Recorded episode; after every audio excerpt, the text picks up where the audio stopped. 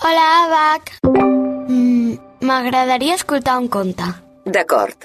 El busco al catàleg d'àudio de l'Abacus a RAC més 1. Aquí el tens. La rateta que escombrava l'escaleta, amb Carles Godó. Aquest dimecres, la rateta escombra a RAC1. El... el ai, perdoneu, perdoneu, perdoneu. És que sóc la veu de RAC1 i em surt així. No ho puc evitar. Tots som u. Torno a començar. Hi havia una vegada una rateta molt presumida que vivia en un dels barris més bonics de la ciutat. Tot eren petites casetes de colors. Era com un petit poble on els veïns es coneixien de feia anys.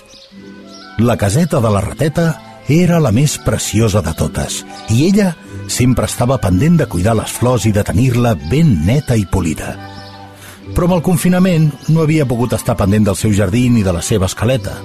Portava moltes setmanes sense cuidar-la. Així que el primer dia que va poder, va sortir ben ràpid amb la seva escombra per posar ordre i treure pols a l'escaleta. I escombrant i escombrant, es va trobar un dineret. Es va posar ben contenta i el primer que va pensar va ser què puc fer amb aquest dineret? Si em compro ametlles, potser em cauran les dentetes. I si em compro pinyonets, potser em cauran els queixalets. A més, fa molts mesos que estic tancada a casa i he fet massa pastissos, madalenes, croissants de xocolata i pa... No, no, no em compraré menjar. Què em puc comprar? Com que era tan presumida com la Rosalia, va anar a fer shopping a les botigues del seu barri. I clar, se'n moria de ganes ja que feia setmanes que no hi havia pogut anar. Va deixar l'escombra al mig de l'escaleta, es va posar la mascareta i va anar a comprar. Calcetes, calcetes al meu nou. Sabatilles, sabatilles, llacets, llacets ben macos. Finalment, es va decidir per comprar-se un llacet rosa fúcsia per la cua. Al cap de poca estona ja tornava a estar a casa amb un llaç nou a la cua. Estava contentíssima. Li encantava el seu nou llacet. Va continuar escombrant mentre no podia parar de cantar i ballar. I clar, tothom que la veia es quedava meravellat. Se salutetes, com són petitetes. Se salutetes, com són més grandetes. No volen floretes, sinó un fadrer. Sí! La veritat és que el confinament havia deixat la rateta sense feina i amb els estalvis sota mínims, i s'estava plantejant buscar un company de pis. Tenia claríssim que no agafaria el primer que passés per casa seva. Havia de ser net, polit i, sobretot, tenir la veu més dolça del planeta.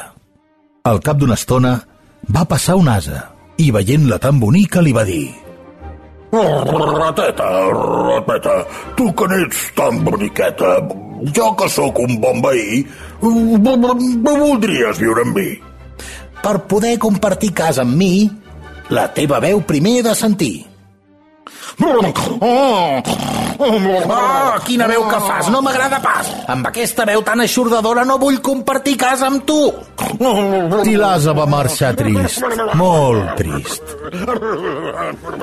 Uns minuts més tard, va passar un ànec qui li va dir Rateta, rateta, tu que n'ets tan boniqueta, jo que sóc un bon veí, no voldries viure amb mi? per poder compartir casa amb mi, la teva veu primer he de sentir. Ah, quina veu que fas! No m'agrada pas. Amb aquesta veu tan forta no vull compartir casa amb tu. I l'ànec va marxar trist. Molt trist. Més tard va passar un gos. Rateta, tu que n'ets tan boniqueta, jo que sóc un bon veí, no voldries viure amb mi? Per poder compartir casa amb mi, la teva veu primer he de sentir. I la rateta, tapant-se les orelles, li va dir Ah, quina veu que fas, no m'agrada pas. Amb aquesta veu tan sorollosa no vull compartir casa amb tu. I el gos va marxar trist, molt trist. Instants després, Va passar un gall i li va dir a la rateta. Rateta, rateta, tu que n'ets tan boniqueta. Jo que sóc un bon veí. No voldries viure amb mi? Per poder compartir casa amb mi, la teva veu primer de sentir. Ah, quina veu que fas, no m'agrada pas. Amb aquesta veu tan estrident, no, no, no, no vull compartir casa amb tu. I el gall va marxar trist. Molt trist. La rateta va començar a posar-se nerviosa en veure que no li agradava la veu de cap dels seus veïns i que li costaria molt trobar company de pis. Però, ben aviat, va passar per allà un gat molt agraciat que li va dir...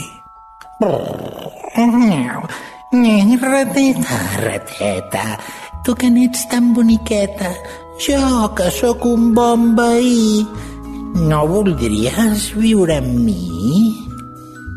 I la rateta li va contestar. Per poder compartir casa amb mi, la teva veu primer he de sentir. I el gat va miular. La rateta no s'ho podia creure. Aquella veu tan dolça i melosa li havia arribat al cor i li va dir Amb aquesta veu tan, tan, tan bonica, sí que vull viure amb tu. I així va ser. El gat i la rateta van anar a viure junts. Però tothom va advertir a la rateta sobre les males intencions del gat. Sobretot els altres veïns que li havien tirat la canya. Però ella només pensava en la seva veu i com li agradava. Va passar el temps i un dia, quan la rateta estava despistada, el gat va acostar-se per darrere sigilosament i sense que ella pogués ni adonar-se'n... Nyam! El gat va clavar-li queixalada i se la va menjar tota, del cap fins a la cua, i només hi va deixar el llaç. I així acaba la història de la rateta, de la que tots hem d'aprendre que les aparences enganyen. A Abacus trobaràs la millor selecció de llibres infantils i d'adults. Jocs de taula, joguines i tecnologia. Un univers de manualitats i articles de papereria. Idees i propostes apassionants per gaudir en família. Abacus ho té tot. Vine a la teva botiga Abacus o visita la nostra web abacus.coop.